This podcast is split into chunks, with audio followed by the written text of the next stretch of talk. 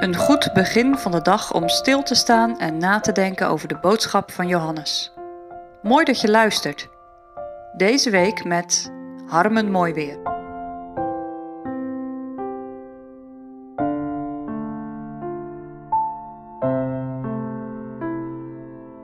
Horen en verstaan.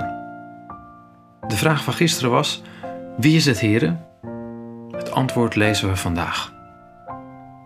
We lezen Johannes 13, vers 26 tot en met 30. Jezus antwoordde: Deze is het, dien ik de beten, als ik ze ingedoopt heb, geven zal. En als hij de beten ingedoopt had, gaf hij ze Judas, Simons zoon, Iscariot. En na de beten, toen voerde Satan in hem. Jezus dan zeide tot hem: Wat gij doet, doe het haastelijk. En dit verstond niemand dergenen die aanzaten waartoe hij hem dat zeide. Want sommigen meenden, terwijl Judas de beurs had, dat hem Jezus zeide: Koop hetgeen wij van noden hebben tot het feest, of dat hij den armen wat geven zou. Hij dan de beter genomen hebben, ging terstond uit. En het was nacht.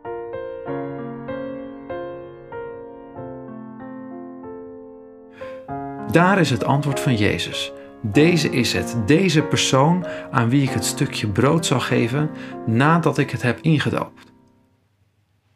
Jezus neemt het stukje brood, doopt het in en geeft het aan Judas. Dit staat zo specifiek beschreven in het Evangelie van Johannes. In de andere Evangelie is het minder specifiek. Matthäus, degene die zijn hand met mij in de schotel heeft ingedoopt het Evangelie van Marcus, een van de twaalfen die met mij indoopt. En in het Lucas-evangelie, de hand van hem die mij verraadt, is met mij aan de tafel. De discipelen horen dit en zien ook dat Jezus een stukje brood aan Judas geeft. Maar we missen informatie als het gaat om de vraag: kregen alle discipelen toen het stukje brood? Of was het alleen Judas? Voor Jezus is het duidelijk, maar voor de discipelen niet. Ze horen de woorden van Jezus, maar ze hebben niet door dat het daadwerkelijk Judas is. De Satan neemt bezit van Judas, lezen we. En Jezus zegt tegen de Judas: Doe wat je moet doen en doe het snel. Ook nu is het niet duidelijk voor de discipelen wie het precies is. Ze vatten de woorden van Jezus anders op. Judas heeft de portemonnee, hij gaat over het geld. Hij moet vast iets kopen voor het paascha of misschien moet hij geld gaan brengen aan de armen. Ze begrijpen de woorden van Jezus niet. Alle discipelen horen deze woorden, maar slechts één discipel aan de tafel begrijpt deze woorden. Dat is Judas. Voor hem zijn deze woorden een start zijn om zijn plan uit te voeren, namelijk Jezus verraden. Soms begrijpen we de woorden van Jezus niet. Herken je dat? Je leest iets uit de Bijbel, maar je snapt het niet. Dit ervaarden de discipelen ook. Bij de gevangenneming van Jezus hadden ze het pas door wie het was. We lezen dit vaker bij de discipelen, dat ze pas achteraf begrepen wat Jezus bedoelde met de woorden die hij sprak. Dit is bemoedigend.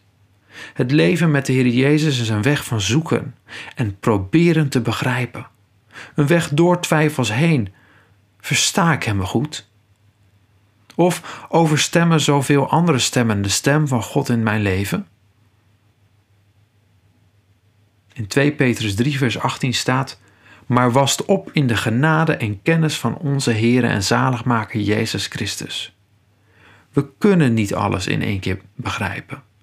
We mogen groeien in de genade en kennis van de Heer Jezus Christus, stapje voor stapje meer van Hem zien en begrijpen, net zoals de discipelen. Wat is het een zegen van God dat je een Bijbel hebt, waarin je elke dag mag zoeken naar antwoorden op je vragen. Waarin je elke dag meer mag ontdekken over God, over Jezus, over de Heilige Geest.